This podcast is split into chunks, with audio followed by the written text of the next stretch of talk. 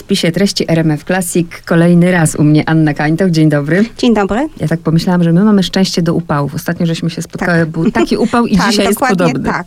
Dokładnie tak. Także Pamiętam ten dzień. to zobaczymy, jak się potoczy nasza historia dalej.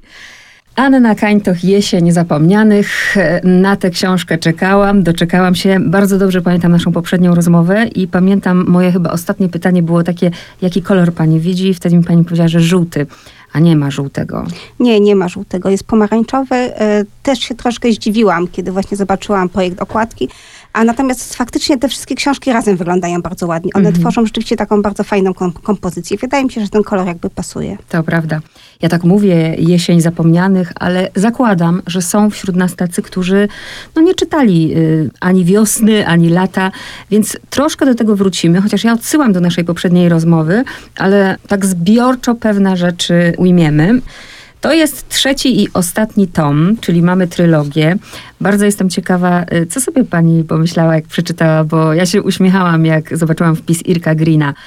Anno Kańto, gwiazdo, nadziejo polskiej powieści. Jeśli to ostatnia część, to w ogóle autorowi nie wolno tak postąpić. A znaczy obawiam się, że to jednak chyba będzie ostatnia część, przynajmniej na jakieś tak 90%, ponieważ to, to nie jest tak, że ja absolutnie wykluczam zimę, ponieważ ludzie zaz- zazwyczaj pytają właśnie o zimę, no ponieważ to jest takie Mhm. dosyć logiczne, że jest wiosna, lato, jesień, zima.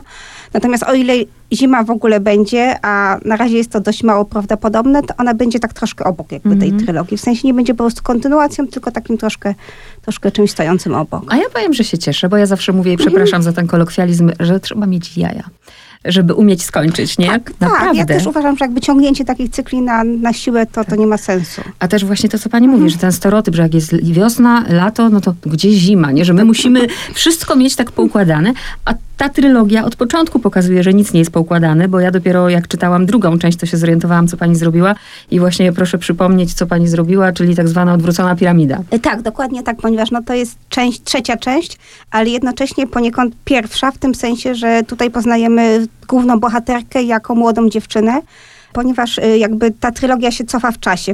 Y, W pierwszej części, czyli w Wiośnie Zaginionych, poznajemy Krystynę Lesi- Lesińską, czyli główną bohaterkę jako emerytkę.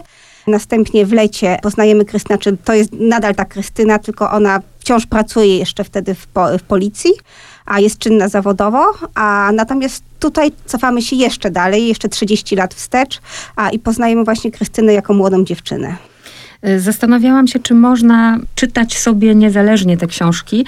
Ja powiem tak, y, można, bo jasne, że można, bo każda z tych książek tak naprawdę poza tym, że jest główna bohaterka i jest historia brata, opowiada inną historię, ale jednak polecam, żeby przeczytać wszystkie. Tak, wydaje mi się, że jakby w, tak ma to najwięcej sensu. Chyba taką najbardziej osobną książką jest Lato, bo ono jest środkowe i tam tak naprawdę jakby ten wątek e, spajający wszystkie trzy części, czyli wątek brata Krystyny, on ma najmniejsze znaczenie de facto. Ono jest jakby w 90% o czymś zupełnie innym, więc jeżeli ktoś chciałby przeczytać tylko i wyłącznie jedną książkę z tych trzech, e, to, myśl, to myślę, że powinien prze, przeczytać Lato. Mnie się też bardzo podoba to, co w ogóle pani wykonała, mianowicie, że ja teraz właśnie jak przeczytałam tę y, Jesień Zapomnianych, to jestem w stanie bardziej zrozumieć Krystynę z wiosny. I Krystynę na przykład jako matkę. Otwierają mi się pewne klapki, ale, ale do, tego, do tego spokojnie. I też tak, drodzy państwo, tak to jest przy książkach Hanny Kańtow, przynajmniej z tej serii, że trzeba tak uważać, co się mówi, bo my nie możemy tu zabierać żadnej historii, opowiadać, y, spoilerować, więc ja poruszę kilka wątków, które są obok, a które są bardzo ciekawe, ale ten taki główny, kt- który znajdujemy w każdej z tych książek, y, opowiedzmy i przypomnijmy, y, Krystyna miała, ma brata. E, Tak, to jest właśnie ten wątek, o którym wspominałam, taki właśnie spajający wszystkie trzy części. E, Ponieważ w wiośnie zaginionych poznajemy tą właśnie Krystynę, która jest na emeryturze i ona cały czas jakby dręczy ją ta tajemnica z przeszłości, e, ponieważ kiedy ona miała kilkanaście lat, jej brat zaginął w górach. E, To znaczy była taka sytuacja, że właśnie poszła grupa przyjaciół w Tatry, jedna osoba wróciła, trzy odnalazły się martwe, z tego co pamiętam, trzy? Dobrze, dobrze, trzy. Tak, tak. trzy, tak. A teraz usiłowałam sobie na, na szybko przypomnieć imiona wszystkich tych bohaterów, natomiast jedna, czyli właśnie brat głównej bohaterki, zupełnie jakby zniknął, zaginął. Nie wiadomo, co się z nim stało, czy on także w tych górach zginął, tam zmarł gdzieś, czy gdzieś tam poszedł dalej, czy, czy dobrowolnie jakby gdzieś uciekł, czy jakby, no, czy, czy, czy coś, ktoś go, go do tego zmusił.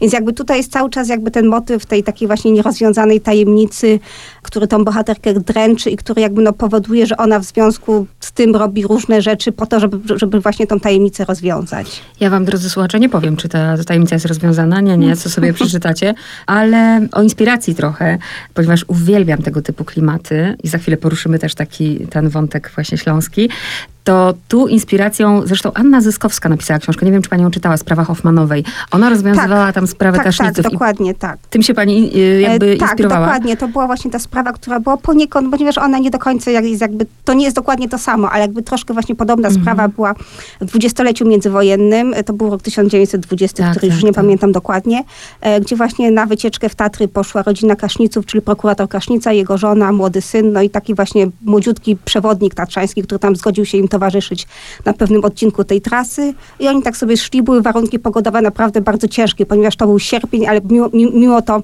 było naprawdę bardzo zimno, tam bodajże nawet śnieg zaczął w pewnym momencie padać. Oni byli bardzo zmęczeni i w którymś momencie po prostu zac zaczęli umierać po kolei ci ludzie. Znaczy zaczęli umierać wszyscy oprócz kobiety, która tam doczekała z nimi... Trzy noce. Trzy noce, to jest w tak. ogóle niewiarygodne. Nie, chyba, chyba troszkę mniej. Trzy... Z tego co pamiętam trzy. Trzy, Wydaje mi się, że mniej, ale to, to, to, to jest oczywiście do, do sprawdzenia. No więc ona tam była z nimi, kiedy oni, o, oni umierali, natomiast później jeszcze przez jakiś czas została przy tych ciałach, a później, kiedy już ta pogoda się trochę uspokoiła, ona zeszła, zeszła na dół, poinformowała jakby pogotowie tatrzańskie, te ciała zostały ściągnięte na dół. Natomiast do dzisiaj tak naprawdę nie wiadomo, co było przyczyną tej śmierci, czy to było faktycznie jakieś takie zmęczenie bardzo dużo organizmu, bo są takie teorie, ale w takim razie, no dlaczego jakby to nie dotknęło tej kobiety, która nie była wcale ani jakoś specjalnie w lepszej formie niż, niż na przykład właśnie ten młody przewodnik tatrzański, czy jej syn nastoletni. Mm. Więc no naprawdę tam było bardzo, bardzo dużo było różnych teorii, włącznie z tym, że ta kobieta otruła tych tak. swoich towarzyszy podróży, więc no ona miała naprawdę bardzo, bardzo niełatwe życie później, no bo jakby była, była podejrzewana, jakby oficjalnie, oficjalnie jakby nikt, nikt jej nic nie zrobił, jakby nie była oficjalnie podejrzana, natomiast no jakby chodziły plotki po ludziach, jakby ludzie na nią patrzyli tak, jak patrzyli, więc no naprawdę to, to było bardzo, bardzo ciężkie, bardzo przykre życie już A później. tu Romana ciała w ogóle nie ma, tak. nie wiemy co się dzieje, aczkolwiek Jacek, którego mhm. właśnie Krystyna, jak pamiętam w pierwszym tomie spotyka, to, to też właśnie jest to podobieństwo, tak. że on tam spędził 30 godzin? Tak, tak, dokładnie. Mhm. Tutaj jest właśnie też taka sytuacja, że schodzi ta jedna osoba i ta osoba jakby opowiada pewną wersję wydarzeń, natomiast ta wersja wydarzeń jest nie do końca wiarygodna, mhm. przynajmniej w oczach Krystyny. Tak. Jeżeli wierzymy Krystynie, to jakby ona, ona po prostu, ona nie chce uwierzyć tak, temu tak. Jackowi, że tam się stało to, co Jacek Jacek opowiada, że się stało. Ona ma cały czas wątpliwości i ona chce, żeby ten Jacek wreszcie po tych wszystkich latach powiedział kurczę prawdę. Niektórzy mogą czytać e, e, tę serię tylko dla tego wątku, ale tak jak mówiłyśmy, każda z tych książek też ma swoją własną historię, no a przede wszystkim spaja to nasza bohaterka Krystyna. Ten tom, czyli Jesień Zapomnianych, umieściła pani w 1966 roku i czasy, y, ja ich oczywiście nie pamiętam, pani też ich nie pamięta, bo my jesteśmy bardzo blisko urodzone, ale ja pamiętam, jak się tym fascynowałam jako dziewczynka, jak ja czytałam, jak ja oglądałam te zdjęcia i nie mogłam uwierzyć, że Marchwicki tak wygląda. Mam na myśli wampira. Kiedy, zanim oczywiście jest ten pomysł, żeby zrobić ten nastrój y, i te lata w książce, to kiedy pani pierwszy raz się dowiaduje o wampirze? Pamięta pani to? Tak w życiu w ogóle. Wydaje mi się, że po raz pierwszy właśnie usłyszałam o tym od moich rodziców, konkretnie od mamy, która mieszkała właśnie na, e, w Szopienicach, czyli tam dokładnie, gdzie się, e, gdzie się dzieje akcja i to jest blisko, blisko Sosnowca, blisko właśnie granicy z Zagłębiem, a i tam jakby to, tam było bardzo właśnie silna pamięć jest tych właśnie czasów, właśnie kiedy one, mama mi opowiadała o tej całej takiej paranoi strachu, więc jak kobiety się bały wychodzić same na ulicę, jak tam właśnie mężczyźni przychodzili po swoje tam żony, czy matki, czy, czy córki, żeby je na przykład odprowadzać do domu z pracy, że w pewnym momencie na przykład zaczęły jeździć jakieś autobusy wynajmowane przez zakłady pracy, które po prostu te kobiety rozwoziły do domu, co zresztą naprawdę było bardzo pozytywnym zjawiskiem. Wydaje mi się, że mhm. ktoś o tym w ogóle pomyślał. Ale no, rzeczywiście, rzeczywiście był taki moment, kiedy ta paranoja taka, no, że ten wampir jest, że grasuje, była naprawdę bardzo, bardzo silna. I tutaj też właśnie chciałam w tej książce otworzyć trochę taką właśnie taką gęstą atmosferę tej takiej niepewności. Natomiast oddając też sprawiedliwość Marchwickiemu, dzisiaj już są spore wątpliwości, czy to naprawdę był Właśnie. on. Tak, bo istnieje spora szansa, że on w ogóle popełnił chyba to ostatnie morderstwo, z tego co wiem. Tylko był czyli, czyli. Czyli, czyli, że, nie był, że, że nie, był, nie był tak całkowicie niewinny, bo tam ta ofiara ostatnia mhm. jakoś tam była związana z jego rodziną, więc możliwe, że on po prostu faktycznie popełnił to ostatnie morderstwo, natomiast te wszystkie wcześniejsze nie. To jest, ale to, to, to jest takie niby oczywiste, co ja teraz powiem, ale wciąż jednak mnie zaskakuje, że jak na niego patrzę, w ogóle na jego zdjęcia, mhm. to mi się po prostu w głowie nie mieści. Tak. Czy to taki bardzo prosty człowiek naprawdę, więc... Udało się pani mhm otworzyć ten moment. Przyznaję szczerze, że miałam ciary, kiedy sama wędruję młoda Krystyna i właśnie jest ta atmosfera takiej mgły, nie będę tu zdradzać, kończy się trochę zabawnie, ale to też trzeba docenić, ale rzeczywiście przerażające to jest, jak sobie w ogóle o tym pomyślę, jaki to, jaki to musiał być strach i paraliż. W ogóle ta Polska lat 60., no ja ją oczywiście tylko znam z filmów, z książek, właśnie ona się kojarzy, taka siermiężna, taka po prostu, taka, ta jesień mi się też kojarzy, taka szara, taka brudna po prostu i, i, to, i to czuć zresztą w tej książce, tak. że tak ma być. Jak już powiedziałyśmy o tym, gdzie to się toczy, to teraz tak, ja pamiętam, jak po naszym pierwszym wywiadzie, ja googlowałam sobie, bo na Janowcu nigdy nie byłam, szopienice znam, ale nie, nie te szopienice. Znam szopienice lat 90., ale drugie szopienice to co to jest? Drugie szopienice. Drugie szopienice to jest część szopienic de facto. To jest jakby no jedna dzielnica, tylko ona jest, ona jest podzielona, czy w, jest taki wiadukt po prostu, pod którym się przechodzi i jakby to jest granica pomiędzy no, Szopienicami, a drugimi Szopienicami, ponieważ Szopienice są na tyle dużą dzielnicą, zresztą, zresztą Szopienice były kiedyś nawet w ogóle osobnym miastem, że one mają mhm. jakby swoje poddzielnice, nie wiem jak to, nie wiem, jak to mhm. nazwać, więc są drugie Szopienice i one dla mnie miały naprawdę tą, tą bardzo dużą zaletę, że to jest dzielnica, która się prawie w ogóle nie zmieniła. Znaczy tam wciąż są te same. Znaczy tam kilka nowych jakby domów powstało, wiadomo, ale tam jakby są takie przedwojenne familoki wciąż.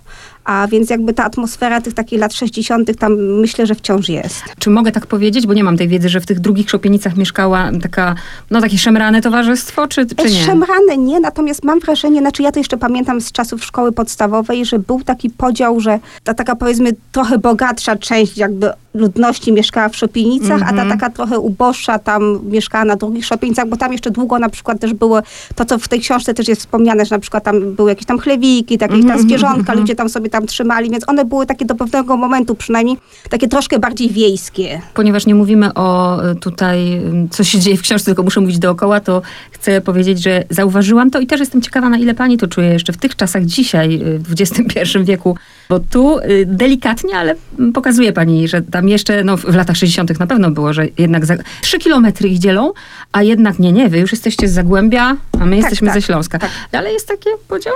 A w tej chwili już chyba nie. Wydaje mi się, że nie, przynajmniej ja się z tym nie spotykam. Ostatni chyba taki przypadek, który pamiętam, to był moment, kiedy a do Śląskiego Klubu Fantastyki przyszła koleżanka z Sosnowca i się nie przyznała, że jest z Sosnowca, bo się bała, że, że że jakieś, nie wiem. A natomiast no, jej strach był chyba jednak nieuzasadniony, bo, bo nie kojarzę, żeby ktokolwiek cokolwiek jakoś w tym momencie miał, miał, miał że tak powiem, jakieś pretensje. Natomiast pamiętam, pamiętam też właśnie z czasów młodzieńczych, jeszcze z, z czasów podstawówki, kiedy no, te animozje, one jakieś tam były, ale to też były jakieś takie bardziej, bardziej takie nieprzyjemne, głupie żarty. Znaczy ja rozumiem jakby, że te żarty nie, mogły być niestosowne, nieprzyjemne i tak dalej, natomiast jakby poza też te żarty raczej się nie wychodziło. No ten wątek jest, jest wątek właśnie takiej śląskości i też mhm. chciałam zapytać, bo nie wiem jak jest dzisiaj, no dzisiaj to w ogóle jest, świat stanął na głowie, ale jesteśmy w latach 60. Kto rządzi tak naprawdę w śląskim domu? Bo y, niby mamy patriarchat. Y, mhm. Chłop zarabia na rodzinę, prawda, w kopalni, przy przynosi pieniądze, ale jednak te śląskie kobiety to są na tle w ogóle całej Polski, to zupełnie inne kobiety. E, to znaczy ja w ogóle, e, ktoś już mi zwrócił uwagę, że w tej książce praktycznie nie ma mężczyzn, że, że oni są zupełnie tak jakby schowani w tle. Ja, ja to nawet zauważyłam przy pisaniu tej książki. Tak jakby próbowałam też niektórych też tak trochę wyciągnąć jakby bardziej, bardziej, bardziej do przodu, żeby byli bardziej widoczni, ale z drugiej strony sobie pomyślałam, że ta książka, może ona faktycznie miała być bardziej właśnie o żonach, o matkach, o tym, o tych kobietach, które jakby zajmowały się tym domem, o, tych, o tej miłości, powiedziałabym, macierzyńskiej, która no, z jednej strony jest czymś bardzo pozytywnym, a z drugiej strony może też jakby no, pokazać swoje drugie oblicze, niekoniecznie takie Czyli to mogę tak powiedzieć, że to na Śląsku, przynajmniej w tych latach 60., mhm. to mamy tak, y, oficjalnie patriarchat, ale, ale nieoficjalnie, nieoficjalnie, to kobieta tak, rządzi. Widzę ją z tą chochlą, prawda? To znaczy, że... no ja pamiętam też małżeństwo moich dziadków i prawdę powiedziawszy, to, to, to też tak trochę wyglądało. Że... Mhm. Na Śląsku bardzo ważne tak. jest też jedzenie. Pani, w ogóle tę śląskość pani tutaj przemyca, y, albo nawet nie przemyca, ona jest wprost. Mam rodzinę na Śląsku i też jakby bardzo lubię Śląsk. Spędziłam kawał swojego życia w Katowicach. To też było na początku, pod koniec lat 90., więc mnie na przykład urzekło to. Ja pamiętam, jak e, leżałam w szpitalu na francuskiej, gdzie pielęgniarki w klinice mówiły w języku śląskim. Mi się to strasznie podobało. Mi się w ogóle wydawało, że tam na tym Śląsku wszyscy ludzie są tacy naturalni, dlatego może nie zdziwiło mnie to, że tu milicjant mhm. e, mówi właśnie po śląsku.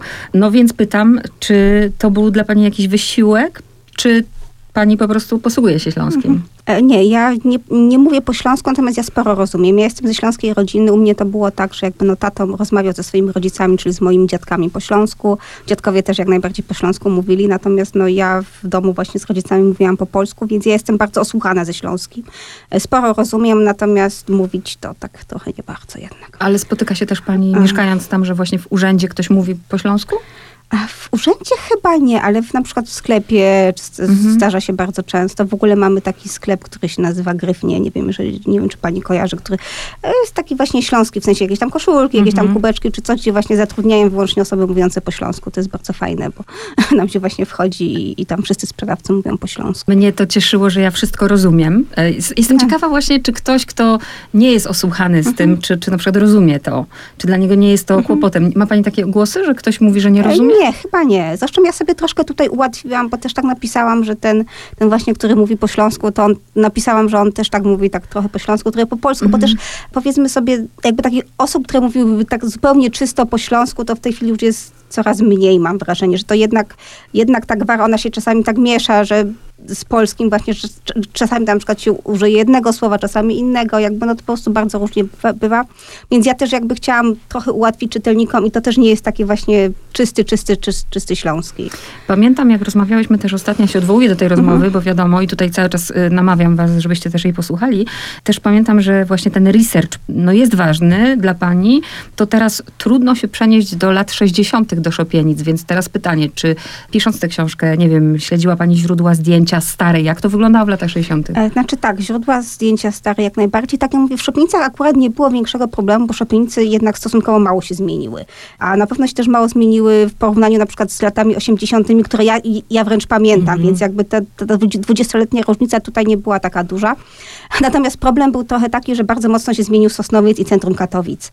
Naprawdę, bo tam była bardzo duża przebudowa, gdzieś chyba w latach 70. z tego co pamiętam, właśnie dokładnie w centrum, więc no tutaj miałam, miałam dosyć spory kłopot, kiedy na przykład właśnie chciałam umieścić jakąś scenę w centrum i na przykład okazywało się, że, że dworzec był w ogóle zupełnie gdzie indziej niż ja kojarzę w Katowicach, że ten dworzec, który, który był później przebudowany i który wszyscy kojarzą w Katowicach, to, to jego w ogóle nie było w tych latach. On był zupełnie gdzie indziej, znaczy zupełnie gdzie indziej, był, był, był gdzie indziej po prostu. To, co też jest taką dla mnie pani cechą tych, tej trylogii akurat, to, to jest niezwykłe, bo no, różnie kryminały y, y, twórcy piszą i dla jednych jest ważne po prostu no, to morderstwo, prawda, albo że za chwilę będzie kolejne morderstwo. Ja jak to czytałam, to ja miałam wrażenie, że nawet nie umiem tego oddać słowami, że w ogóle nie, nie było ważne tutaj, co się dzieje, ale ważne jest to dochodzenie do tej prawdy, że ca cały czas jakbym, jakbym była właśnie Krystyną i próbowała rozwikłać zagadkę, że mniej, wie pani o co mi chodzi, że jakby mniej, mniej jest ważna ta płaszczyzna fabularna i ta akcja i to wszystko, mhm. a bardziej ważne jest to, żeby dojść i żeby po prostu psychicznie rozgryźć e, tę mhm. zagadkę. Znaczy to jest prawdopodobnie spowodowane tym, że ja w ogóle chyba myślę myślę zagadkami. Nie wiem, czy to jest dobre określenie, ale w tym sensie, że faktycznie jakby dla mnie, dla mnie w każdej opowieści najważniejsze jest, najważniejsza jest zagadka. Niezależnie od tego, czy to jest kryminał, czy to jest fantastyka, czy to jest jakikolwiek inny gatunek. A to dla mnie jest najważniejsze rozgryzienie właśnie tego, kto jest kim, kto jakby ma jak, jakieś relacje z innymi ludźmi. Znaczy w sensie, jak te wszystkie figurki są poustawiane na szachownicy, to jest dla mnie jakby najważniejsze. Natomiast w momencie, kiedy ja już mam wszystko jakby poukładane, wiem kto jest kim, kto jakie ma motywacje, kto jakie ma relacje z innymi ludźmi, to w tym momencie mnie opowieść w ogóle przestaje interesować. Ja to już dosyć, ja to już zauważyłam jakiś czas temu i faktycznie na przykład, tak jak są książki, gdzie jest ten końcowy moment, który dla większości ludzi jest najbardziej ekscytujący, gdzie tam jest, nie wiem, wielka bitwa, na przykład stają naprzeciwko siebie dwie armie i jest wielka bitwa i ludzie się ekscytują, kto zwycięży. Albo na przykład jest kryminał i już wszystko wiadomo, kto jest mordercą i ten morderca na przykład, nie wiem, ucieka przez las i policja go goni i to jest najbardziej ekscytujący moment, bo nie wiadomo, czy go złapią. Mnie to, mnie to zupełnie nie interesuje w tym momencie. Ja w tym momencie wiem wszystko, co chciałam wiedzieć, wiem, kto jest mordercą albo kto, że tak powiem, stanie do tej bitwy. I ewentualnie mogę tylko przekartkować na koniec i zobaczyć, kto wygrał. Ale to też jest umiejętność, bo ja właśnie będę, gdzieś tam byłam koło dwusetnej strony i tak sobie pomyślałam, wow, że że mnie to tak wciąga, a tak naprawdę nic się nie dzieje, nie?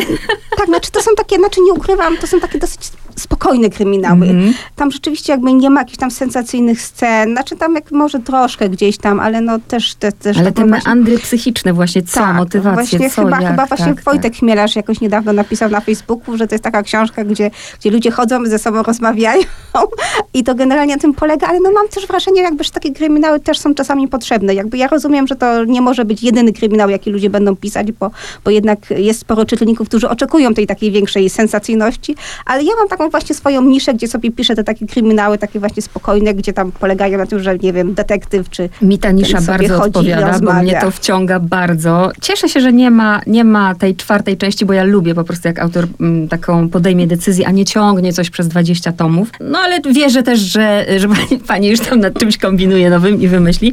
Teraz chcę się zatrzymać trochę przy tej naszej głównej bohaterce Krystynie i przy też tematach, bo tak jak mówię, mnie też zawsze interesuje bardzo to, co jest dookoła i to, nad czym się zastanawiam i, i co się zmieniło i okazuje się, że niewiele. E, Krystyna, my już wiemy na końcu, bo w wiośnie zaginionych, to, to oczywiście możemy powiedzieć, to nie jest spoiler, że Krystyna ma po 70, jest, wiemy, że jest szanowaną panią komisarz i tak dalej.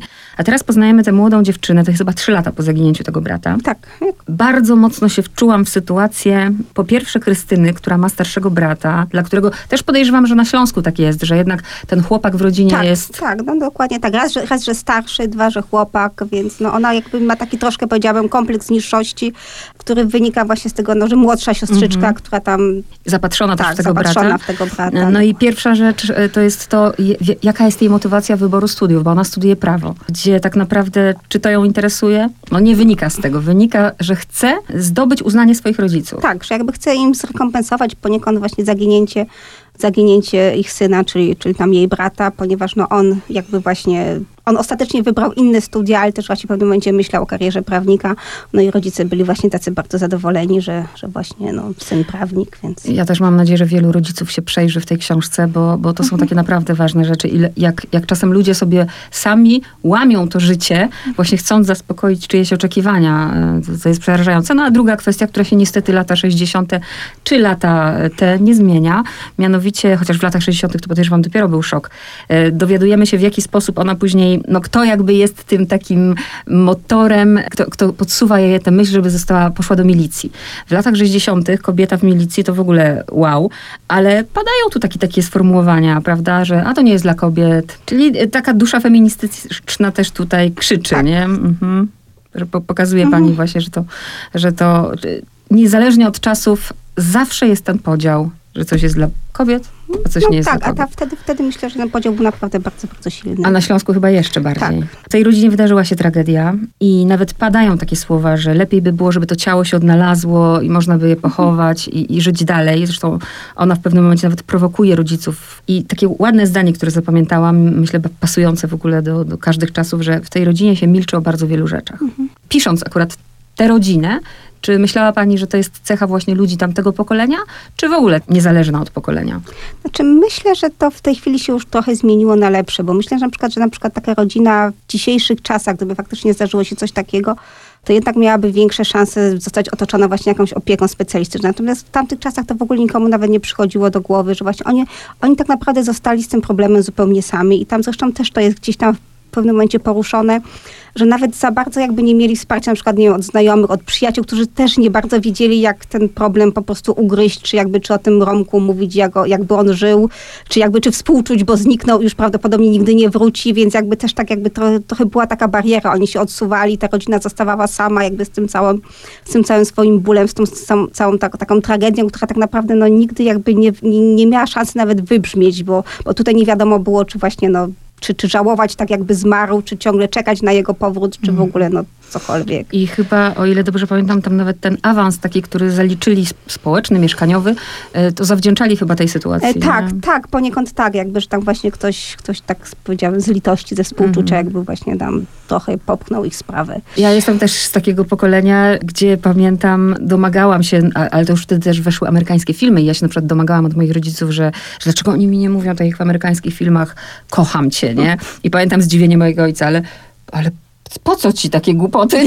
to właśnie, bo wyznacznikiem tamtych, y, tamtego pokolenia była miłość właśnie to, że ta matka pójdzie i kupić ten płaszcz, nie? Na takiej zasadzie. Tak, no. znaczy albo, nie wiem, kobieta wyrażała swoją miłość gotując rodzinie i opiekując się nią. Właśnie. Tak, a ojciec przynosząc pieniądze do domu. No. Tak. To też są ciekawe czasy. Niekoniecznie każdy by chciał do nich wrócić. Co przy tym tomie sprawiło pani największą trudność? No było takim na przykład, no bo pewnie było tak, że no, pisze pani i dalej coś nie idzie. Czy nie było żadnej trudności? To znaczy, chyba najwięcej stresu było przy tym tomie, mam wrażenie. Bo oczekiwania? E, Bo oczekiwania, znaczy raz, że to jest trzeci tom, czyli jakby wiedziałam, że ja to muszę zamknąć, jakby i jednak tam pewne wątki wymyślić, a, a no czytelnicy już mieli jakby swoje pomysły, swoje oczekiwania, więc jakby no czułam, że jakby muszę doskoczyć poniekąd do tych oczekiwań. Dwa, że to też jest pierwsza książka, którą ja napisałam po Nagrodzie Wielkiego Kalibru, która właśnie była w zeszłym roku za wiosnę. E, Kiedy tą, tą nagrodę otrzymałam, to lato już, było, la, lato już było napisane, więc jakby pisząc lato nie miałam jakiejś takiej presji, natomiast tutaj rzeczywiście, rzeczywiście ta presja była, nie ukrywam. No i od razu gratulacje za nominację za lato. O, dziękuję. Ja się teraz zastanawiam, co to będzie, jak lato zdobędzie A nagrodę. nie, nie sądzę, żebym miała w tym roku jakiekolwiek szansę, bo to nigdy się jeszcze nie zdarzyło, żeby właśnie dwa razy pod rząd jakiś autor zdobył tą nagrodę. A więc ja, ja mam takie postanowienie, że w tym roku po prostu jadę sobie spokojnie poki, pokibicować innym autorom. No zobaczymy, ja bym taka pewna nie była. Mm, Tym bardziej, że no, tych zaskoczeń y, w pani pisaniu jest naprawdę dużo. Pamiętam historię z lata utraconych, pamiętam, bo bardzo mnie historia Jakuba gdzieś tam poruszyła i było mi go szkoda i tyle, tyle gdzieś tam nieszczęść na jednego człowieka. Jeśli tu możemy zarysować, tylko żeby zachęcić, o jaką y, sprawę chodzi tutaj, żeby panią zarysowała i też gdzie było źródło? Czy też źródło było w jakiejś, nie wiem, historii, może gazecie, tak jak Marchwicki, czy zupełnie z głowy? Znaczy tutaj mamy taką sprawę, e, powiedziałabym, serii samobójstw, które być może nie do końca są samobójstwami. Znaczy właśnie na którą trafia główna bohaterka trochę przypadkiem. Znaczy przypadkiem w tym sensie, że po prostu prosi ją pewien człowiek o pomoc, e, żeby pomogła jakby rozwikłać, pomóc właśnie wyjaśnić tą, tą, tą całą sprawę. A ponieważ to właśnie na, na terenie jednej takiej stosunkowo niewielkiej dzielnicy, dzielnicy czy tam poddzielnicy, czyli na drugi, drugich Szopienicach, e, w ciągu stosunkowo krótkiego czasu, czyli tam kilku lat, jakby powiesiło się chyba już, nie wiem, czterech czy pięciu młodych mężczyzn. No i właśnie jest, jest zagadka, co jakby ich do tego skłoniło, czy to faktycznie były samobójstwa, czy może jakby ktoś im pomógł albo namówił na przykład do, do tego. I tutaj inspiracją była historia takiego pewnego miasteczka, tylko już nie pamiętam dokładnie, gdzie ono jest, mam wrażenie, że gdzieś w Walii, gdzie właśnie jest bardzo, bardzo duży odsetek samobójstw w pewnym momencie. Chyba nawet był program telewizyjny na ten temat zrobiony, a gdzie właśnie młodzi ludzie, no naprawdę bardzo często popełniają samobójstwa, jakby jest to wyjaśnione, czy wyjaśnione poniekąd tym, że to jest jakieś takie miasteczko właśnie, które właśnie przeszło jakąś taką zapaść ekonomiczną i że tam nie bardzo są perspektywy, ale nawet biorąc to pod uwagę, te, tych samo, samobójstw jest tam naprawdę bardzo, bardzo dużo, więc jakby no tutaj ciągle jest jakby taka trochę zagadka dlaczego. Kiedy, ostatnio też rozmawiałyśmy, pamiętam, o naszej miłości wspólnej do Stephena Kinga i Misery, e, którą zresztą bardzo lubię. E, Opowiada historię, w której e, zakochana w pisarzu kobieta no, nie może się pogodzić z tym, jak autor kończy książkę, więc go więzi. I przyszła mi taka myśl do głowy, czy do Anny Kajtoch przychodzą na przykład wiadomości albo maile. Nie tak, to miało się skończyć, to miało w ogóle inaczej być. Czy nie ma takich pretensji? To znaczy, mam różne opinie, znaczy jednym się podobało, drugim niekoniecznie. Jest na przykład część osób, która właśnie nie do końca się czuła usatysfakcjonowana tą końcówką. Natomiast jeszcze, jeszcze, jeszcze nikt mi nie groził na szczęście żadnymi konsekwencjami, więc na, na, razie, na razie nie jest źle. No właśnie, a jak z tą krytyką sobie autor radzi pani? W sensie to, to boli wtedy, czy nie? Boli, znaczy nadal boli, to, to chyba nie jest coś, do czego mo- można by się tak przyzwyczaić tak zupełnie, że przestanie boleć w ogóle, natomiast jednak, jednak po iluś tam latach jakby no ten ból jest, nie jest już taki powiedziałabym intensywny. Autor ma po prostu świadomość, że tak naprawdę nie da się napisać książki, która się spodoba wszystkim, więc ja po prostu staram się pisać najlepiej jak potrafię, natomiast jestem tego świadoma, że jakby no i tak, tak czy inaczej znajdzie się grupa osób, które, które krytykują. I czasami mają w tej krytyce oczywiście rację, bo jakby ja, ja, ja też popełniam błę- błędy. Oczywiście jak, jak każdy inny autor i staram się poprawiać, natomiast nigdy, nigdy nie będę doskonała, nigdy nie, nie będzie tak, że po prostu wszyscy czytelnicy będą, b- będą zadowoleni. Rozumiem też właśnie te oczekiwania i presję, że, że to musiało być stresujące. Największą frajdę miała pani przy której części? Przy pisaniu chyba przy lecie. Przy lecie? Chyba przy lecie, natomiast jesień mi się też bardzo dobrze pisało. W ogóle pamiętam, że w pewnym momencie bardzo mnie rozbolał ząb, pamiętam. Ja miałam ustaloną jakąś tam normę, a normę, normę do napisania dzienną i rozbolał mnie ząb gdzieś tak koło godziny godziny 11 wieczorem i stwierdziłam, że dobra, odpuszczam to pisanie w tym momencie, ale wzięłam tabletkę i 10 minut później stwierdziłam, że okej, okay, to ja może jednak napiszę parę zdań i napisałam, i napisałam chyba pięć stron. Tak po prostu z rozpędu, zupełnie, pomimo, pomimo tego, że ten ząb nadal gdzieś tam sobie w tyle tam ćmił i dawał o sobie znać. To jest pasja. Ale... No to teraz na koniec zapytam, no bo jakbym nie mogła, y, pewnie mi pani nie odpowie, no ale może chociaż trochę, y, bo, bo to jest tak, że no, my dostajemy tę książkę teraz, a pani już sobie dawno o niej zapomniała, bo pewnie już w czym innym pani siedzi. Czy można zdradzić w czym? To znaczy, ja w tej chwili może nie tyle siedzę, to tak powiedziałabym ostrożnie wchodzę w następną opowieść, ponieważ e, no, mam taki dość luźny pomysł. Natomiast ten pomysł jeszcze wymaga takiego przechodzenia, ponieważ ja myślę generalnie chodząc, więc on wymaga jeszcze iluś tam spacerów, żeby sobie dojrzał. E, na razie właśnie mam, mam jakiś tam zaczątek fabuły, e, mam miejsce akcji o dziwo, a, I mam nawet zdjęcia z tego miejsca akcji, w sensie pojechałam sobie tam pooglądać te tereny, na które chciałabym, Czyli żeby to dalej wszystko... będzie, będą kryminały, nie świat fantazy, nie światy e, kreowane gdzieś tak, tam? Tak, tak. Na, razie, na, na razie na pewno jeszcze będzie jeden kryminał, natomiast później, jak już ten kryminał skończę, to chciałabym jednak wrócić do fantastyki. No to zapraszam na kolejną rozmowę i dziękuję bardzo. Dziękuję bardzo.